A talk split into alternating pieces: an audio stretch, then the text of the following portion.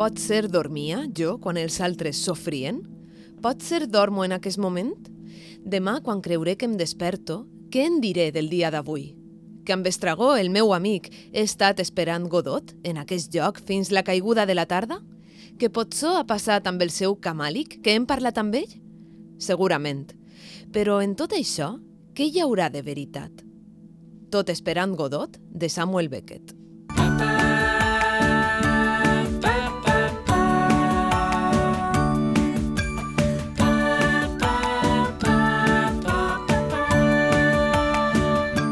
Jo estic a la meva habitació pròpia, tu estaràs a la teua. I m'agradaria que des d'allà tancares els ulls per uns segons i visualitzares la vida com una línia recta que avança d'esquerra a dreta. Segur que no és la primera vegada que ho fas, veritat? Per què serà que imaginem la vida com una línia que es veu pertorbada per determinats successos, una línia que té un principi clar i un final incert?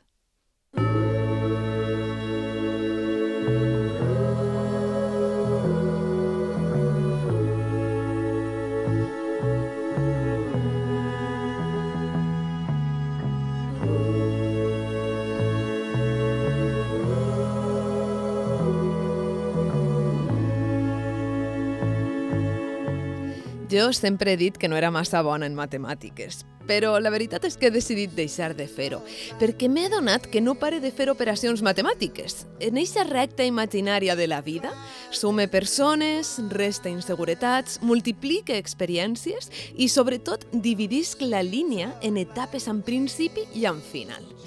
Jo crec que per assimilar la vida, les persones necessitem partir eixa línia imaginària en trossos, en etapes.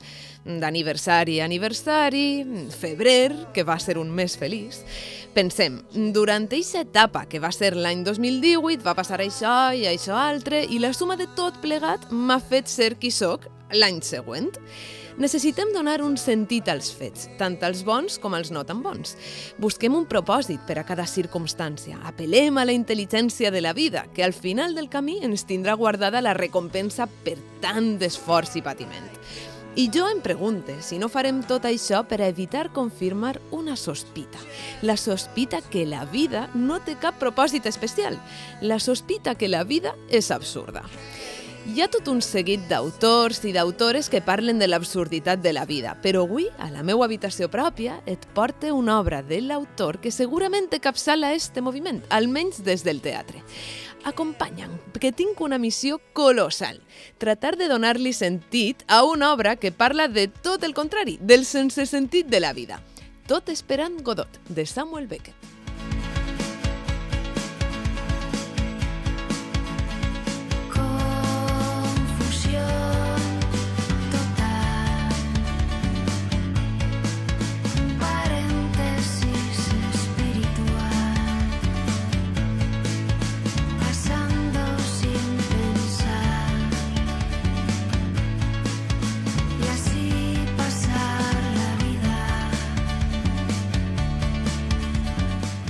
De vegades jo et parle d'autors i de llibres i d'obres que he llegit i que m'han encantat o que tenia moltes ganes de llegir perquè sabia que alguna cosa bona aportarien a la meva vida. Però d'altres vegades m'agrada fer-li regalets al meu company d'habitació pròpia, que en realitat és, mm, no és company perquè no és que tinguem l'habitació llogada junts, però bé, mm, tantes vegades així que ja és com si fos el meu company d'habitació, la veritat. Eugenio Viñas. I algun dia que em quede a dormir. Sí, també. Perquè és que jo sabia que esta obra, Tot esperant Godot, t'agradava molt. I ho sabia pel teu estat de WhatsApp. Com Sí. és possible? No, no sé si m'agrada tant l'obra com el que representa, com el que suposa, com la idea original. Una de les coses que més m'agrada de Beckett és la posada en escena, la idea, la proposta, el punt d'eixida. Mm. Sobretot, em fa pensar i em fa reflexionar. I sí, és cert que ho tinc en estat de WhatsApp, crec que des de que tinc WhatsApp. Sí, i a banda tens, o sigui, tens posat Tot esperant Godot i després l'iconet de la dutxa. No, de la banyera. de la sí. banyera. El, neole el per què? neoliberalisme. Per què? per, per fer la despesa. És com eh, assertivitat, és com que estic eh, fent-me ahir com si fos un raper, saps? És la meva forma de mostrar el meu or i la meva excel·lència, diguem, eh, material. No, no sé si acabe de pillar-ho, però bé. Millor. I, però jo imagino que a banda de tindre-ho d'estat de WhatsApp i de, que t'agrade el que representa l'obra i, Sí. i tal, te l'hauries llegit No, també. l'havia vista representada. O l'havies vista? Sí, l'havia vista representada. Uf, fa moltíssim. Sí? Sí. Mm, Però a València? A l'institut. Sí, a València. Mhm. Sí, però seria a l'institut. O sigui, te van portar 16, d'excursió. 17 anys, sí, 18 anys, per ahí. Mola, no? 18 no, crec. I menys. després el professor o la teua professora t'explicarien un poc de què va l'obra, o abans, no? No, No? no, no, no. I va ser millor. Eh, o sea, vull Sí? dir, és com, eh, com un acudit, millor que no te ho expliquen de vegades, no? Ja. I que tu mateix aportes tot el, que, tot el que vols. De fet, jo pense que Beckett, en gran mesura, en esta obra i en unes altres, el que vol és que tu eh, aportes tot el que pugues, no? És a dir, que tu tingues la clau de, de la història. No tinc clar, eh, ara escoltarem més veus, però no tinc clar que parle exactament de Déu, perquè s'ha dit que, que parla de Déu. No tinc clar que parle exactament de si mateix, tampoc, Mhm. no ho sé. Crec que deixa molt, molt de marge per a que qualsevol de nosaltres eh, aprofite i, com, i complete la història. Sí, sí, sí. Això a mi m'encanta. Quan miro una pel·lícula o quan llig un llibre i hi ha com buits d'argument o d'interpretació o de jo, sentit. per això jo estic agraït que no me pegaré la xerrada ni abans ni després. Ja, ja. Perquè ho deixaren tot a, a, diguem, a, al meu cap i que el meu cap no, no sé quin, en quin moment eh, trauria conclusions, Ja. però al meu estat de WhatsApp està. Està guai que un professor d'institut confie en que els seus alumnes interpretaran i entendran una obra com esta, perquè en realitat moltes vegades la majoria de, de voltes, o no la majoria, però moltes, és com que a l'institut et tracten com si no fores capaç d'entendre obres grans Mm. de la literatura universal. I sí que són capaços els adolescents de plenar de sentit aquestes obres. O sigui, Mm. que m'alegre que et portaran... Sobretot si no porten el mòbil damunt. Sí, i també si el porten, perquè així poden mirar interpretacions en internet. Eugenio, ara parlem. Dic, jo... dic durant la representació. Clar, clar, pensant. això sí. Eugenio, ara parlem que jo vaig a parlar d'algunes cosetes que m'ha inspirat Tot esperant Godot, de Samuel Beckett, i igual també tuiteig alguna coseta durant esta estoneta que passarem junts al Twitter d'una habitació pròpia. Ara parlem.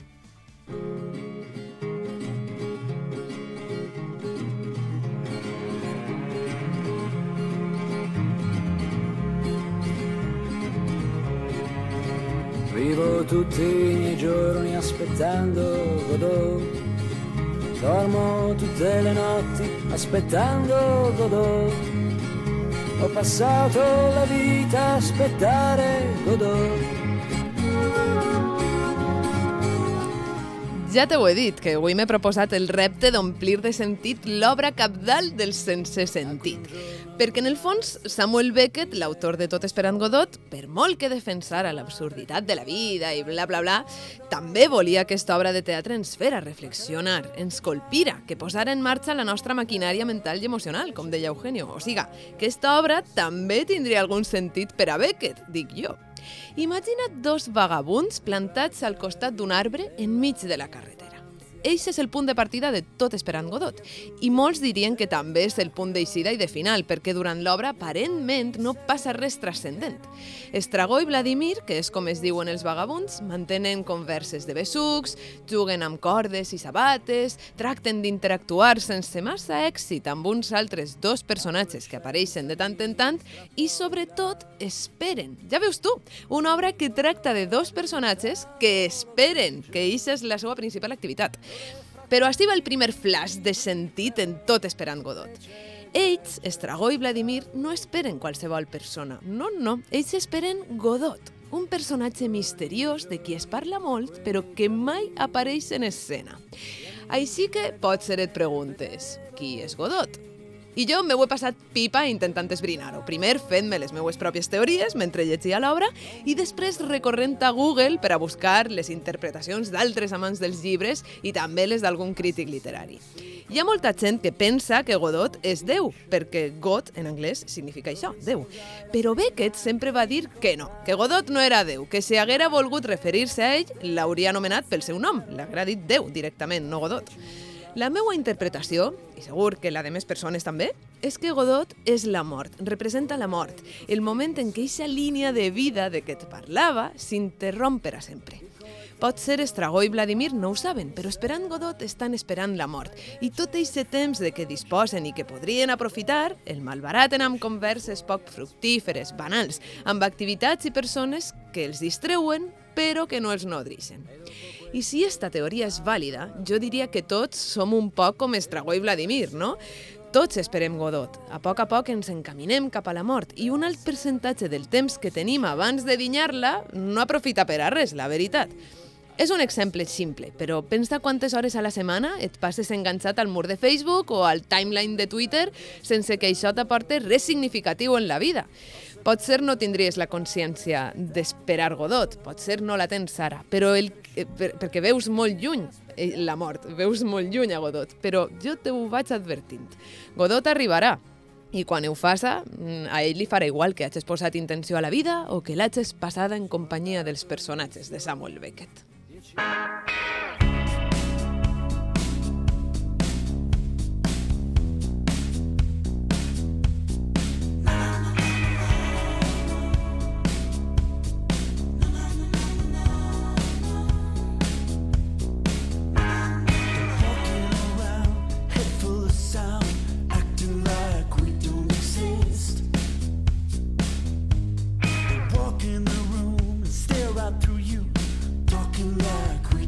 Eugenio, estava jo pensant que m'has parlat de que tu vas tindre el teu primer contacte amb Tot esperant Godot, ja directament al teatre, mirant l'obra, i estava jo pensant dos coses. Primer, que jo esta obra no l'he vista representada, crec, perquè jo tinc mala memòria i pot ser si l'he vista i se m'ha oblidat. I segona cosa, que tu i jo mai hem anat junts al teatre. Fixa't tu. Ni, ni Ja en- podries ni- convidar-me un dia, eh, que ni- hi ha ni- moltes obres que vull veure. Ni en l'institut, quan teníem la mateixa edat. No, perquè Doncs- no la teníem i ho Ah, saps no? perfectament. M'havia donat. Eh, sí, la veritat és que sí, que podria convidar-te. De moment no ha sorgit. Però sí que és cert que estava pensant ara que fa moltíssim de temps que no veig eh, una proposta eh, de tot esperant Godot. En el nostre Mhm. cas, per València. Ja, jo tampoc. Ni, ni àrea metropolitana. Què, què t'apostes a que d'ací dues setmanes Esperem, esperem. la programen en algun teatre? Sí, és que sí que aquestes s'han- coses em passen Sí moltíssim. que s'han fet unes altres eh, en els últims temps de Beckett, que no sé si ho saps, però a més de, de novel·la i, i d'altres coses, eh, té moltíssima producció teatral, Sí. moltíssima. I és que Beckett va canviar per sempre el teatre. Potser, junt amb Ionescu, és la figura més transcendental del segle XX, tots dos europeus, per cert. Sí. Però, sobretot, és un home que, sense voler volent, va acostar el teatre a la literatura. De fet, tot esperant Godot és llig com si no res. Què t'ha semblat la lectura? Sí, Que- molt- com molt si ràpida. No fora... No. De vegades el teatre és un poc farragós i necessites massa acotacions de direcció, etc. I no és el cas. Com si l'obra teatral, en este cas, a hores d'ara, no estiguera en un cantó massa llunyà dins de l'espai de la ficció, per exemple, a les llibreries. He pensat que per a parlar de Godot i de Beckett, tot plegat hauria de trobar algú amb galons per a reconduir les meues idees. I aquesta persona que he triat i que ens ha atès mitjançant uns àudios de WhatsApp és Roberto García, director escènic, dramaturg i guionista de televisió. I des de fa un parell d'anys també és, sobretot, director adjunt de teatre de l'Institut Valencià de Cultura. I escoltem esta banda sonora tan interessant de Doc Van Nick eh, per a una de les infinit, per a, per a una de les milers d'adaptacions que s'han fet al teatre de Tot esperant Godot i ja parlem mitjançant aquests missatges de WhatsApp amb Roberto García. Primera pregunta que li volia fer és com va canviar el teatre l'obra Tot esperant Godot? És una obra capital d'un autor capital del teatre posterior a la Segona Guerra Mundial i va obrir la porta a, a, territoris, a territoris no realistes però connectats d'una manera particular amb la realitat i amb l'essència de l'ésser humà. Com a expert i, i com a dramaturg, com a director, com et va canviar a tu conèixer l'obra? Jo vaig llegir aquesta obra com, bueno, com tots a l'institut, crec que equivocadament enquadrada al teatre de l'absurde, eh, però no és precisament l'obra que més m'interessa de Beckett. M'agrada molt més, per exemple, Final de partida i sobretot, sobretot l'última cinta. Em sorprèn moltíssim que tant Roberto García com tu hàgiu llegit tot esperant Godot a l'institut. És que som més majors.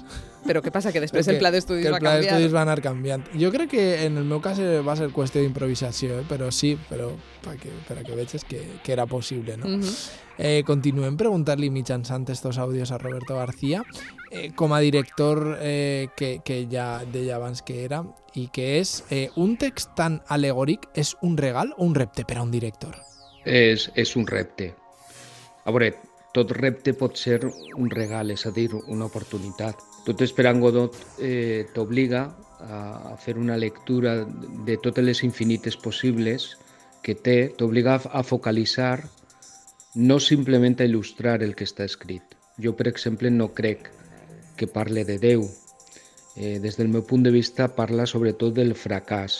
Un fracàs, un fracàs que es fa infinit eh, per culpa de l'esperança. I, I tot això, a més, amb molt d'humor. Mm, Un molt fracàs d'humor, que eh? es fa infinit Mm, per culpa de l'esperança. sí, és a dir, que tindre esperança. Ja, és una aquells- trampa, jo també ho Exacte. penso. Exacte. Eh, I què suposa per al teatre com a text esta obra de Beckett i, bueno, i Beckett en general? Amb Beckett passa una cosa curiosa i és que és un referent absolut del teatre, però sense escola o deixables directes. Es parla, per exemple, d'una estètica beckettiana, però a ella poden, poden unir-se autors molt diversos i d'escoles molt diverses. És un, és un autor únic, és un autor inclassificable, radical, que va ampliar les fronteres del teatre cap a l'antiteatre i cap a lo postdramàtic. Uh -huh. I la veritat és que ara ja està tota la tentació de pensar quin teatre o quins autors no haurien arribat a nosaltres, als nostres dies, sense l'obra de Beckett. Harold Pinter, per exemple, que va interpretar el personatge de Crab en l'última cinta, i està també la mítica Sala Beckett de Barcelona, eh, amb Sinisterra, Sergi Belbel, Lluïsa Coniller, com a autors que van trobar en Beckett una font d'inspiració. M'encanten Sinisterra i Belbel. Doncs Els he mira, llegit mm, moltes vegades. Me- I Sinisterra és valencià. Me- el podria convidar a la meva habitació pròpia. No me- ho havia pensat mai. Més que a Beckett, els has llegit. Sí.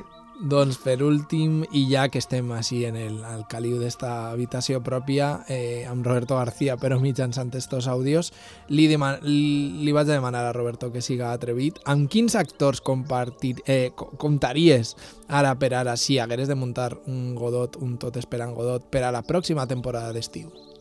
Soc atrevit i menís per l'altra gent. Per, per a Vladimir Estragón buscaria a dos clowns postdramàtics, Pablo Iglesias i Rejón, per a, i per a Pozzo i Luqui a Casado i a Bascal. I per al xiquet missatger, per descomptat, a Rivera.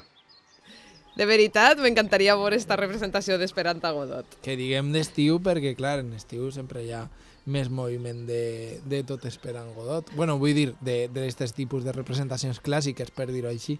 Però sí, no ho havíem pensat i sí que és interessant eh, veure el teatre que hi ha abans i després de Beckett. Mm. El que passa és que ara va dir-te jo que en estiu pot ser la temporada de, teatral mm, Forta. Eh, és, Bueno, és més for- forta, però la temporada política, o sigui, tots estos que ha anomenat Roberto García igual estan de vacances per ahí, eh? No ho sé, jo crec que no estaran de vacances. Tot i així ha sigut eh, una tria seua. I ha triat com a clowns, ha dit a, a Pablo Iglesias i a Íñigo Errejón, però home, estaria bé sempre aquest tipus de crossovers de gent més o menys coneguda fent aquest tipus de papers, és molt interessant.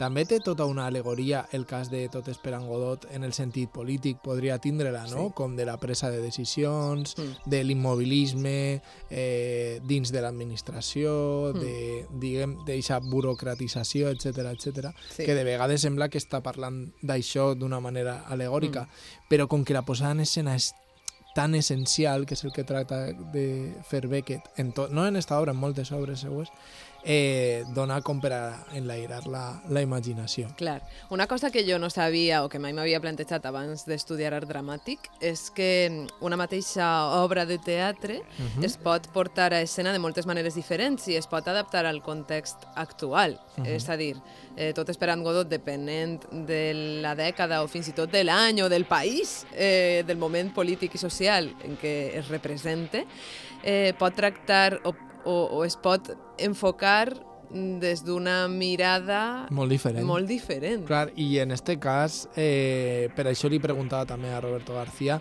per, per si com a director és un repte este Clar. tipus de text o no, perquè pràcticament el director fa molt, Clar. no? Fa molt, perquè tria pràcticament... té en les seues mans la lectura de l'obra. Exacte, qui, en quin moment succeeix, a, a qui apela, és a dir, és una lectura política, és una lectura Clar. metafísica, és una lectura introspectiva i personal, és un drama Inclús, inclús, ara després eh, donaré una pisteta perquè, tot i no arribar a ser comèdia, hi ha una adaptació audiovisual, no cinematogràfica, que està molt prop de la comèdia, però és Mhm. que dins, de, dins del text eh, tu pots agafar tota la Sí. part de comèdia i aprofitar-la al màxim. I eh? explotar-la més. Per això crec que, que Roberto García parlava de eh, agafar dos clowns per a, per a Mm. fer aquests papers principals. Clar, com que els temes són universals, que és el que passa en moltes obres de teatre i en molts llibres, Mhm. es poden llegir des de moltes perspectives diferents i cada director, igual que cada lector farà, o cada espectador de teatre, farà la seva pròpia interpretació.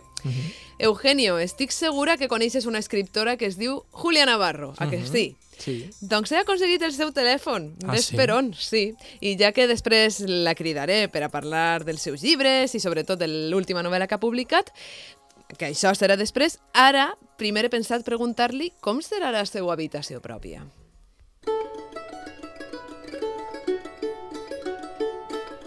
el lugar donde yo escribo, el lugar donde paso tantísimas horas, el lugar de donde ahora mismo estamos hablando es una habitación que no que no es muy grande, donde tengo un eh, un buró eh, antiguo heredado de, de- de mi familia eh, y es donde yo escribo. Eh, de enfrente de mí hay un cuadro de mi madre que siempre, bueno, pues eh, la miro, siempre que levanto la mirada del ordenador, pues la tengo enfrente. Luego hay un pequeño sillón que sobre todo el que lo utiliza es Argos, eh, mi perro.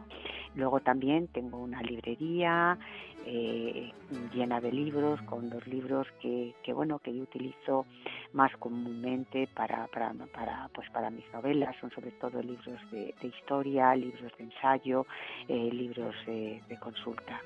Esa es mi habitación propia.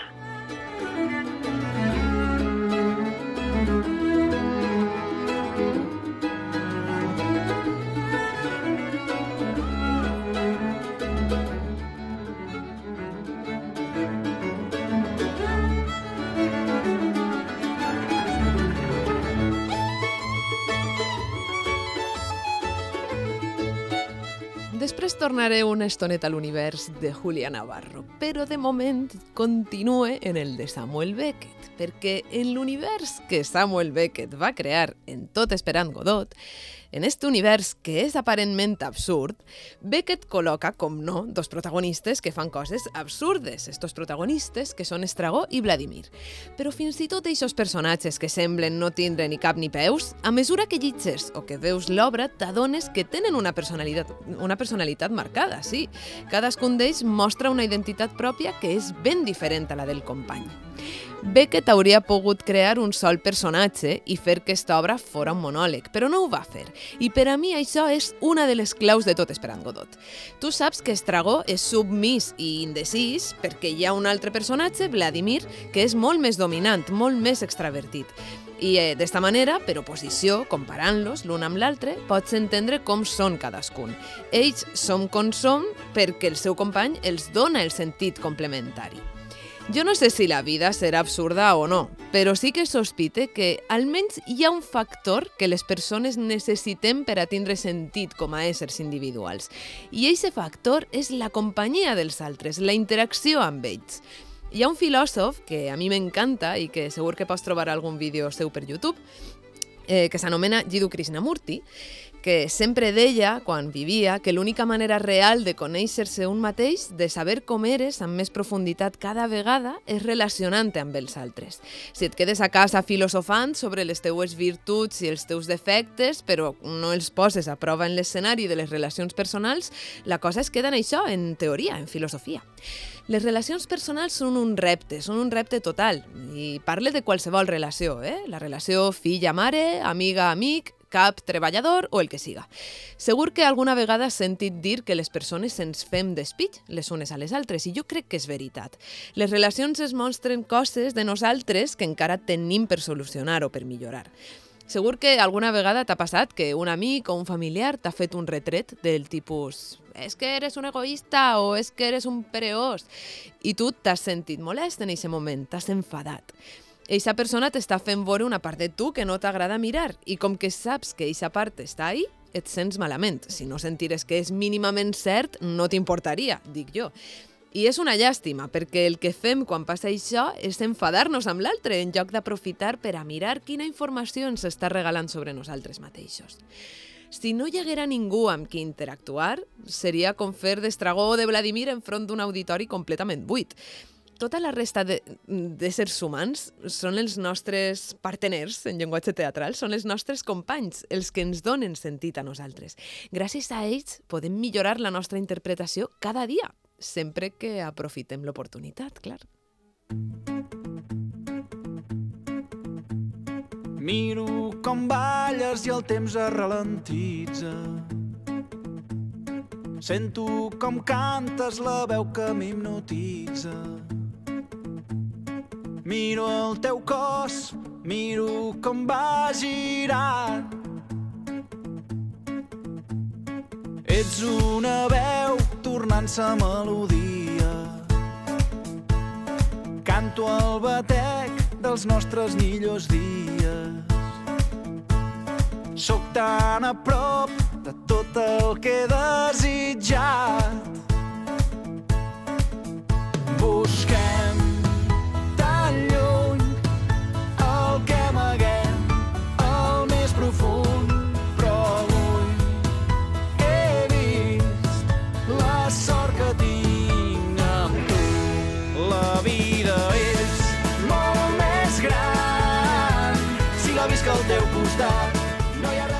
I parlant de relacions i parlant de companys d'escena i de parteners, Eugenio, abans se m'ha oblidat preguntar-te amb qui interpretaries tu tot esperant Godot? Imagina't que tu fores Estrago. Qui voldries que fera de Vladimir? Ah, de Vladimir. Sí. Ah, m'ha- m'ha m'ha fet dos preguntes. que Qui voldria ser jo i qui No, no, no, que, que amb qui voldries fer tu l'obra? O sigui, jo ja t'he donat el paper, és Estragó, Val, val? Ara tria el teu company, tens total llibertat. Pot ser una persona coneguda per tu, o Ostres, coneguda que- per tot el món, o per quasi tot el món. Que difícil. En Michelle Obama. Sí? Sí, de per què? Vladimir. Perquè t'agradaria conèixer-la Sí. o... Perquè m'acaba de llegir l'autobiografia i com la Ai, tinc un poc al ja em cap. contaràs, eh? Perquè l'altre dia també em va dir una amiga que se la va llegir que li va agradar molt. Bé, sí, està bé. Eh, té cosetes. Val. Té cosetes. Ja em faràs una selecció. Exacte. Eh, doncs en ella. Eh, I també donaria, a lo millor, per una versió molt cinematogràfica, perquè segur que vendria moltes entrades, que eren molts tíquets. T'has imaginat tu llegint eh, Tot esperant Godot, una versió cinematogràfica? O sigui, mirant una pel·lícula sobre tot esperant Godot, vols dir? Sí. Bé, no, És un la poc veritat. estrany. Sí. Seria difícil, no?, de portar al Doncs, cinema este, no, esta obra no, de teatre. Doncs no només n'hi ha una, n'hi ha moltíssimes, Sí? moltes, sí. Primer que res, eh, esta obra de Beckett va arribar al cinema durant les profitoses dècades en què el teatre tenia un cert raconet a la televisió. Mm. A Espanya, per exemple, és molt conegut el programa Estudi 1, Clar. eh, o Estudio 1, del que tant, ta- de tant en tant he agafat ja alguns tallers per escoltar així. Però això només és el cas espanyol. Eh, tot i que la Internet Movie Database, la IMDB, eh, Beckett figura com a guionista de 127 obres, ara veurem si ha fet 127 o només una, les adaptacions de bon tros són moltes més. Tot Esperant Godot s'ha representat pràcticament en totes les televisions públiques europees, Mhm. quan tenien el seu programa de, de, De teatre? de teatre allà que anava. Eh, amb més o menys cura per la lectura audiovisual, la veritat és que he tingut el plaer de revisar la versió de Radio Televisió Espanyola i et deixo escoltar un fragment perquè em digues si no t'avellis veure-la esta mateixa nit. ¿Por qué no deja el equipaje? Yo qué sé. Cuidado. ¿Y si le hablásemos? Mira esto. ¿El qué? El cuello. No veo nada. Ponte aquí. Es verdad. En carne viva. Es la cuerda. De tanto rozarle. Es natural. Es el nudo. Es fatal. Veus com estiren sobretot la part còmica que, Sí. que està ahí darrere, però reconeixies l'escena, no? Sí, sí, sí, sí, clar. No diré quina és per a no fer un poc spoiler. Exacte. Eh, una cosa que anava a dir-te jo és que no només tinc moltes ganes de veure la versió d'Estudio 1 de Tot esperant Godot, sinó que a banda crec que és necessari en a punt media un programa sobre teatre, Doncs perfecte, ja està feta. radiofònic o televisiu. Està feta la instància, home. Sí, les dues coses. O les dues Un- coses, com una habitació pròpia, Clar, transmèdia. Una, una caixa negra pròpia, una quarta paret pròpia. Sí.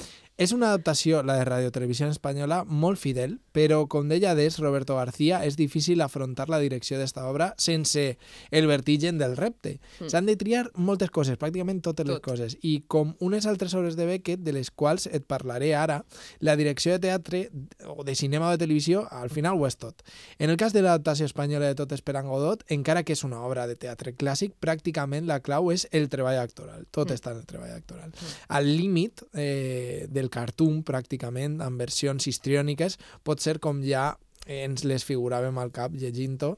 Eh, I tot i ser feta per a la televisió, té un format de teatre contemporani i això influeix en aquesta perversió actoral. Jo penso que estan com molt influenciats de que estan fent teatre contemporani.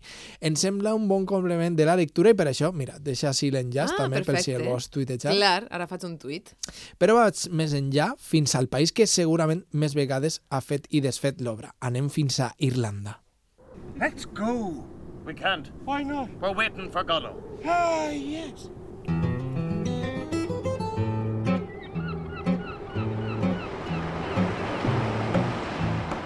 We are waiting for Godot. Ahí estem. Les adaptacions de Tot esperant Godot han tractat de ser molt fidels també a Irlanda. Pot ser per això tampoc hi ha grans fites en la història del setè art, perquè al cap i a la fi és teatre. Ara bé, com a mínim sí hi ha una referència clara de la pel·lícula i aquesta pertany tam a Irlanda, no? Al 2001, no fa molt, eh, en una adaptació dirigida per Michel, eh, per Michael, perdó, Lindsay Hawk, que com en pocs, eh, poques altres versions, l'absurd troba ritme en dues hores, ni més ni menys, de cinta cinematogràfica. Per això és molt fidel. Està construïda al voltant d'un grapat d'actors de teatre i Vladimir Estragó, Pocho, Lucky i el Xiquet aconsegueixen el trasllat de l'ànima teatral fins a l'audiovisual. Lindsay Hawk, el director, un director mm, més avessat als telefilms, és capaç de fer oblidar els artefactes teatrals sense enganyar al públic. Com? Fent-los visibles des del primer moment. És a dir, que des del primer moment se, se donem que hi ha una escenografia molt concreta Sí. i que encara que sembla un exterior, doncs tot, tot es veu, no? Tot Sí. està allí. Molt bé. Però més enllà de Godot, Samuel Beckett va tindre una fita pròpia amb el cinema que pensa que hauries de conèixer. Només l'esmenaré. Eh, una vegada va escriure pensant en el setè art. Va ser per al curtmetratge anomenat Film. Per a la pro. No, era, no el dirigia ell. produït per ell mateix, Ah, Beckett sí? va viatjar per primera i última vegada als Estats Units d'Amèrica el- a l'any 64 del segle XX i no va triar qualsevol per dirigir el seu únic guió, Alan Snyder, que és un dels grans directors estadounidencs del segle XX i va dirigir ell mateix, Snyder, el curtmetratge amb també l'únic de la seva carrera, eh, ara que ho mire, i l'actor protagonista va ser ni més ni menys un dels majors còmics de la història del cinema, Buster Keaton. Que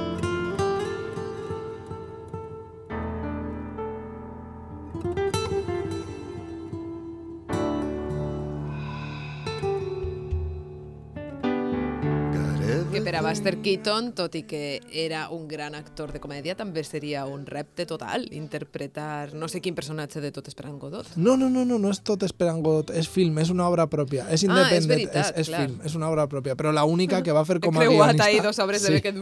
Hauria estat interessant que fera de Vladimir, per exemple. Sí. És un curtmetratge ben curiós, donat que Snyder i Beckett fan ús i abús d'una de les coses que no podien fer al teatre, el pla subjectiu. Que significa que l'espectador està veient el que veu Exacte. el protagonista. No? Exacte. Com si estiguera mirant a través dels Exacte. seus ulls. Sovint el protagonista és l'espectador i veu què li està passant a la, en primera persona. És molt curiós perquè, clar, Beckett sí que va trobar en el cinema que això ell no ho podia fer en el, Clar, en el teatre, clar. no? No li podia posar la càmera. Molaria que això se poguera fer en el teatre. algun Molaria. dia. Segur que algú ja ho ha fet. La història continua arrelada al teatre de l'absurd i mostra una de les cares més tristes eh, de Buster Keaton, el rei de la comèdia als inicis del cinema i que a poc a poc va anar carregant-se de dramatisme al llarg de la seva carrera. La seva vida també va ser bastant tortuosa, de novel·la pràcticament, i li para molt bé tant al personatge de Phil com a la construcció de perfils de Beckett.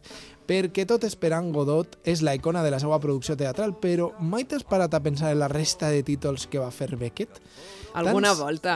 I en conec alguns, Tants, clar. tants, tants, que segons a quin director o actor preguntes, com el cas de Roberto García abans, és fàcil que te'n diga un de diferent. I amb idees tan originals que, si et sembla, ara d'ací uns minuts et faré alguna pinzellada de les propostes més descabellades que va escriure Beckett per al món del teatre. Estic impacient, estic impacient. El que passa és que hi ha una, hi ha una persona que... Són més riscoses que totes per a Sí? Sí. Ara em contes. Eh, hi ha una persona que farà aquesta espera de Godot, esta espera d'Eugenio per a que em parles De ara obres de Beckett. d'estes obres de Beckett. Hi ha una persona que farà l'espera més amena i molt més agradable. Perquè, com t'he comentat abans, Eugenio, avui he telefonat a Julia Navarro, que és periodista i escriptora molt coneguda per moltes novel·les, com per exemple La Bíblia de Barro, entre moltes altres, i esta nit m'agradaria endinsar-me en la postguerra espanyola de la mà de Julia Navarro amb l'última novel·la que ha publicat, que es titula Tu no matarás. Julia, ¿qué tal? A mí me da la sensación que en tus novelas desarrollas mucho cómo son los personajes y esto tiene mucho más peso que el propio argumento, que la propia historia. No sé si tú lo ves de la misma manera. Yo hago novelas de personajes, a mí me interesa muchísimo indagar sobre la condición humana, tu opinión es absolutamente acertada. ¿En qué momento, no sé si fue ya desde el principio en que empezaste a escribir ficción, que optaste por mm, hacer más novelas de personajes que de argumento, por así decirlo? ¿O fue una cosa que te fue surgiendo con el tiempo, a medida que escribías, ibas descubriendo que era ese camino por el que querías tirar? Mi primera novela fue un thriller, entonces, aunque también trabajé muchísimo a los personajes, eh, fue un poco en las novelas, en la siguiente novela, en La habilidad de Barro, cuando ya fui eh, trabajando más eh, los personajes, eh, por, por esa curiosidad que yo tengo por, por el ser humano. Tengo la sensación que el último misterio que queda en, en- en nuestro planeta es el ser humano. Mira, justo hace unos días estuve en una charla que vino aquí a Valencia Rosa Montero, la escritora, y ella decía, yo nunca me aburro de la gente, o sea, no hay nadie en este mundo que me pueda aburrir. Y pensé, jolín, qué suerte, porque a mí sí que hay gente que me aburre, ¿no? Pero reconozco que es verdad, para ser escritor eh, tienes que tener una curiosidad muy fuerte por cualquier persona que, te- que se cruce en tu camino, porque todo el mundo te puede inspirar algo, ¿no? Bueno, no sé si todo el mundo te puede inspirar algo, tampoco sé si a mí no me aburriría todo el mundo, pero, pero sí creo que indagando sobre la condición humana, eh, pues uno también indaga sobre, sobre sí mismo, ¿no? Eh, de todas maneras, mm, yo para construir mis novelas, eh, el argumento eh, eh, eh, me sirve, o sea, sin argumento sería imposible el poder hacer esa indagación porque es colocar a los personajes en distintas situaciones y estirar de ellos Claro. hasta hasta hasta sacar eh, eh, pues eh, lo, ma- lo, lo, lo más recóndito. Julia, en tus novelas las mujeres siempre tienen mucho peso y en esta en concreto, eh, una de las protagonistas, Catalina, se tiene que enfrentar a una situación que en los años 40, que es cuando le sucede, es muy complicada, que es mm, ser madre soltera, ¿no? De alguna manera es exponer eh, cuál, es, cuál es la situación de las mujeres, cuál ha sido la situación de las mujeres. A veces nos da la sensación de que las cosas siempre han sido como son y eh, eh, bueno mm, venimos eh, de eh, las mujeres venimos eh, de una de un modelo de sociedad de un modelo de escala de, varo- de valores de unos códigos que nos han tenido absolutamente eh, no solamente oprimidas sino eh, consideradas prácticamente como ciudadanas de, de segunda. En los años 40 las mujeres eh, después de, de- de lo que supuso la primavera de la Segunda República en cuanto a derechos para las mujeres, em, después de la Guerra Civil, lo que las mujeres caímos en un ostracismo eh, eh, absoluto, éramos un apéndice de los hombres y desde luego una mujer sin ninguna libertad. Y eh, una mujer que eh, fuera eh, madre soltera quedaba estigmatizada, pero eh, quedaba estigmatizada ella, quedaba estigmatizada a su hijo, quedaba estigmatizada a su familia y su vida eh, eh, eh, se interrumpía, es decir, eh, punto final. Nadie, nadie, ningún hombre quería saber nada de una de una madre soltera. Me gusta que las mujeres jóvenes hagan esa reflexión y sepan sepan de dónde vinimos, de dónde venimos y todo lo que se ha conseguido. Imagino que cuando hayas hecho presentaciones del libro o, bueno, con lectores que te hayas ido encontrando, eh, habrá algunos que que te hayan comentado que se han sentido identificados, ya sea personalmente como por algún caso familiar, tanto con Catalina como con cualquier otro de los personajes. Encuentro a muchos lectores eh, que me hablan de sus experiencias familiares, Mm. que me hablan de los recuerdos de, de, pues de, de sus propios padres o de ellos mismos. El pasado es necesario conocerlo, no por nada, sino simplemente para, para poder entendernos a nosotros mismos, para poder entender nuestra sociedad. eh, eh, es absolutamente imprescindible eh, saber, como digo, de, de dónde venimos. Sé que esta es de las novelas que más te ha costado escribir, toda esa época, todas sus consecuencias, eh, los conflictos que podía haber personales y sociales, trasladarlos a la ficción, a una novela, tuvo que ser una tarea complicada. En los detalles de la vida cotidiana, ahí sí que tuve que hacer una labor de documentación, Claro. de, de, de- de buscar. Y sí tengo que decirte que efectivamente para mí, eh, desde el punto de vista emocional, eh, fue eh, muy, muy, muy duro.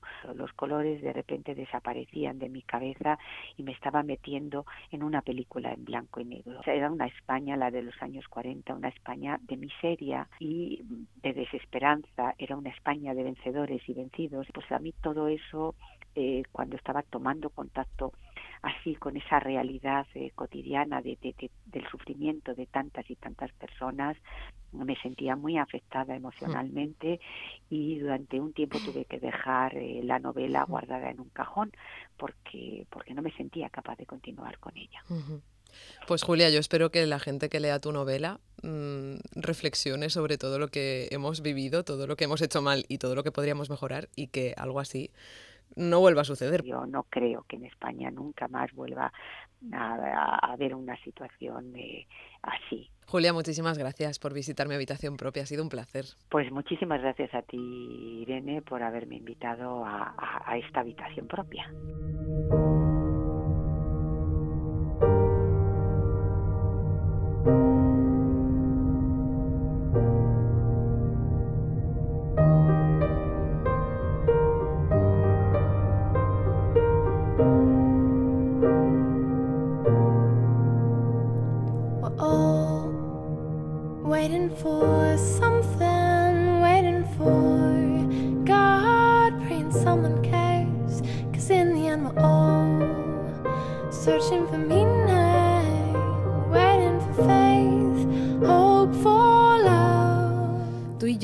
Arribat a tot esperant Godot un dia qualsevol i ens n'anirem al dia següent, que és quan acaba el que Samuel Beckett ens mostra de la vida d'Estragó i de Vladimir, els seus protagonistes.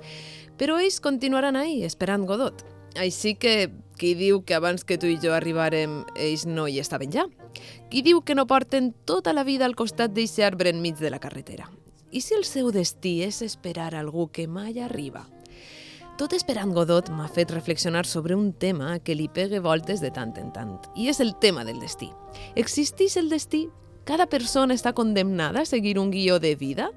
I si fórem simples instrumentistes d'una orquestra universal i no podem fer res més que seguir les ordres d'un director que ho té tot compost i tot pensat molt abans del nostre naixement?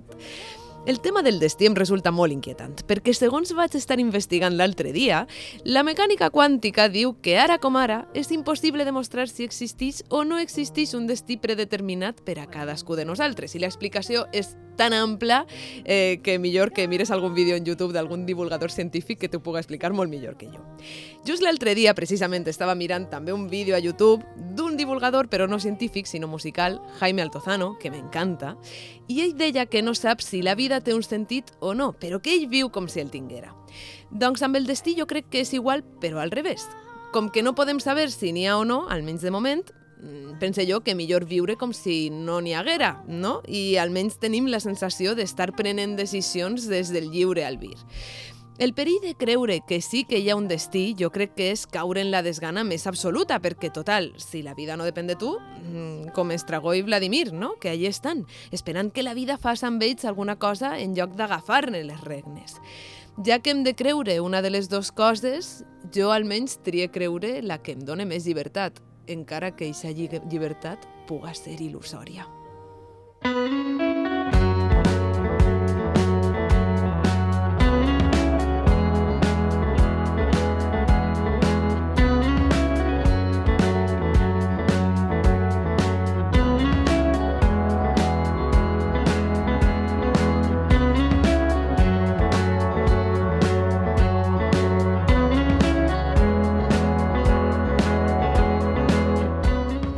Eugenio, tu què penses? El destí existeix o no existeix? Són hipòtesis, perquè ni tan sols la, la física i la mecànica ho han pogut explicar encara. Doncs sí, és curiós. Eh, la veritat és que m'agraden molt les explicacions des del punt de vista de la física, Mhm. eh, que d'alguna manera diguem que hi ha una mena de lleis clàssiques dins de la física que fan Exacte. pensar que el destí sí que està Sí. preestablit. Però després està, això és la Després física clàssica, però després està la quàntica que diu que, ah, no es pot demostrar. Clar, eh, un poc de tot.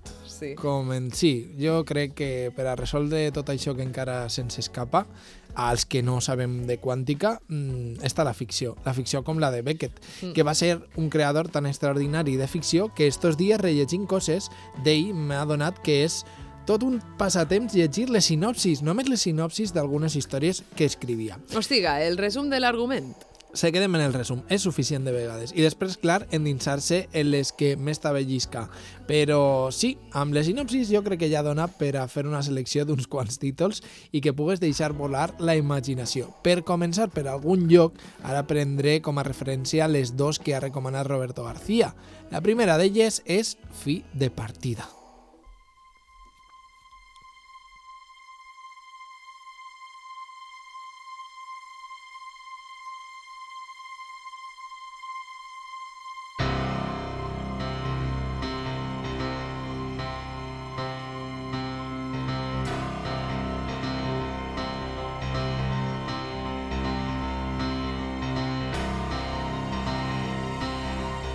De què va, fi de partida? Esta ni l'he vista ni l'he llegida. Doncs mira, està parcialment inspirada en Rei Lear de Mm, Shakespeare. M'encanta aquesta obra, i això sí que l'he llegida i l'he vista, les que jo coses. ja t'he dit alguna vegada que el millor rei Lear que n'hi ha de Shakespeare és la pel·lícula Ran de Kurosawa. Mhm. Però bé, el rei així té uns altres problemes, molts problemes, tots. Està sec i paralític, eternament assegut en un tron que és absurd, perquè eh, eh, només hi ha un últim home al món I és que, ell. No, que On- mai, ah. acaba, que mai acaba de morir-se. I ell és el seu rei, val? Ah, doncs imagina, Irene, entenc. com pot ser interpretat este actor, perquè no es pot moure, està allà assegut i no fa res. Un repte pràcticament metafísic, ara que estàvem parlant d'això, perquè, clar, no tenia no té ni inèrcia, no, només té veu. O sigui, només pot parlar, però no pot manejar-se, no pot... i, i està preocupat perquè ell vol ser rei i vol fer-ho bé i tal i qual. I el no? seu súbdit apareix en escena? En principi sí, però també així els directors ja, cadascú... O sigui, el súbdit no parla. Eh, no té diàleg. Eh, pot, pot tindre diàleg. Pot tindre diàleg. Que Eh, misteriós és tot, és, Eugenio. és un tot esperant Godot com 2.0 i Harold Bloom el considera l'obra capdalt de Beckett. Tot i així, la part més increïble de, de l'obra és que el lector o l'espectador guanyen interès pels problemes i inquietuds d'este rei. O sigui, ja, ells ja saben, sabem, estem llegint que se va acabar el món, que tot és absurd, i tot i així eh, Beckett aconsegueix que es preocupem i que pensem que ahí n'hi ha, una tra ha una trama, hi ha conflictes, que genera una gran intriga per saber què serà d'aquell home. Mhm. Doncs bé, la segona recomanació de Garcia és l'última cinta o l'última cinta de Crap. Eh, en este cas, la millor part de la proposta de sinopsi és tot el marge que deixa a directors i actors interpretar la idea original i portar-la, per què no, a l'apocalipsi, per exemple. Escolta, l'última cinta, Crap és un home vell eh, a qui coneixes amb tendresa i humor per l'afició que té de gravar el seu diari però en un magnetòfon. En Ah. compte d'escriure ho va gravant tot. Sí. Doncs bé, en un dia troba una cinta que sembla no reconèixer, una cinta número 3 si no me'n recorde malament, però la prova eh, i es pregunta, soc jo, este home que està parlant? Així O sigui, és com una cinta vella. no? I, i no, no, a, no, sembla algú que és ell, però no se sap si és ell o no és ell, i en realitat és ell, però prou més jove, i parla del passat i de les seues, dels seus conflictes al, al passat, no? A Crab no li agrada gens el passat, però el que no li agrada és ell. Veu que és un home ególatra, injust, i per a resoldre el seu passat comença a enregistrar damunt de la cinta i d'altres cintes l'experiència d'haver-se trobat a- amb aquest passat, justificant-se i regravant la seva història.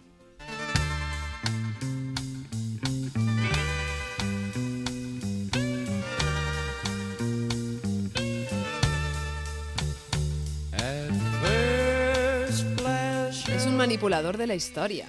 I de si mateix, però sí. tu imagina't ahí tota la paranoia en si mateix, si sóc jo, no sóc jo. Ara estigues atenta que et parle d'una de les propostes més estimulants, també de les més conegudes com a punt de partida de Beckett, Els dies feliços, així es diu l'obra, val? De sobte, sobre el teló, en meitat de l'escena una senyora està enmig soterrada en una mena de monticle. Mhm. Només se veu la cara, Sí.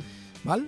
li veiem la cara i tracta d'obrir els ulls, però hi ha una llum, una llum enlluernadora i pràcticament no pot ni mirar. Mhm. Només parla dels seus dies feliços.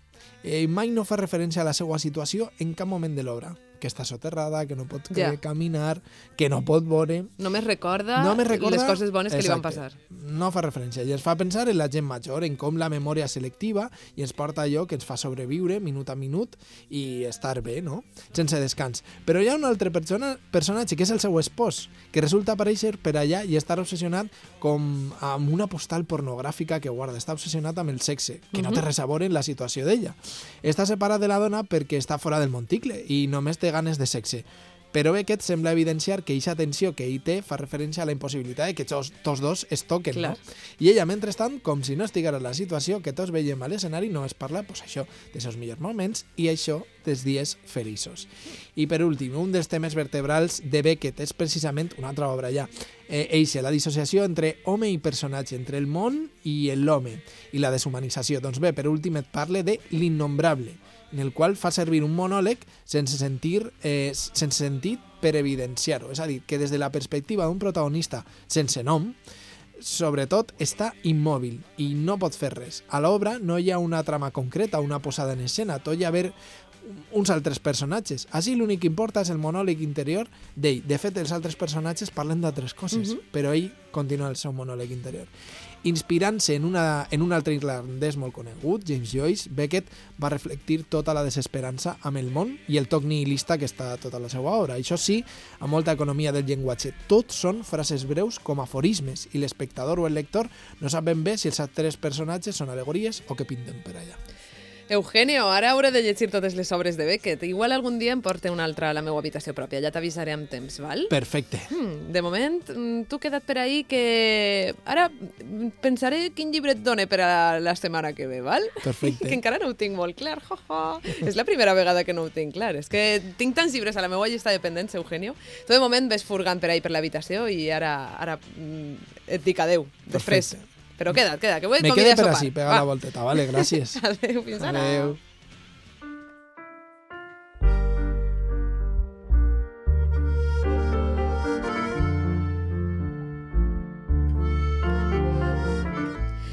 Imagina't eixir un dia al carrer i comportar-te com si la vida fora completament absurda.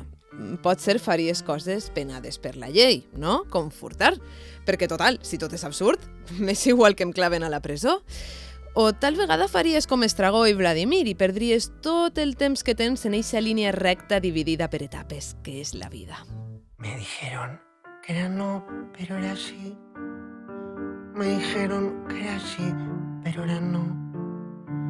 Me dijeron que era todo y era nada, que era aquí, pero era allá. Y que tararí, y que tarará. Tu i jo estem així gaudint d'una milionèsima part d'una línia compartida amb la resta d'habitants de l'univers. Este univers que continuarà impertèrrit quan morim. Com els protagonistes de Tot esperant Godot, que continuaran per a sempre sobre els escenaris, els llibres, i ara també en un raconet de la meva habitació pròpia. Mentira. Todo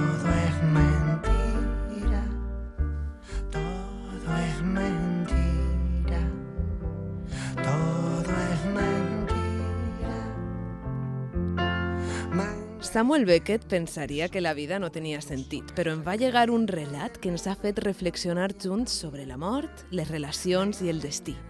Almenys durant una hora, esta obra sobre el sense sentit de la vida li ha donat sentit a la nostra. Bona nit. Creía ser tan listo y fui tan tonto. Yo que creía ser tan guapo y era feo, tener pelo y era calvo, que era gratis y era caro. Yo creía ser eterno y se me está acabando el tiempo. Yo creía que algún día volaría, que algún día llegaría hasta la cima, que con mi vida podría ser lo que quisiera, pues creía ciegamente en sus mentiras y en las mías. Todo es mentira,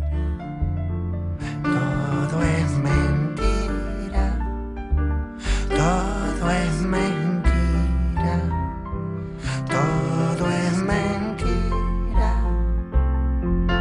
Me engañaron porque soy un pobre loco que se creía el rey del mundo y solo se engañó a sí mismo. Me engañaron porque soy un pobre iluso, lo merezco, yo también soy un poquito mentiroso. sí. Aquí sigo recostado debajo de un olivo, viendo pasar el tiempo, engañándome a mí mismo. Y aquí sigo recostado, debajo de un olivo, viendo pasar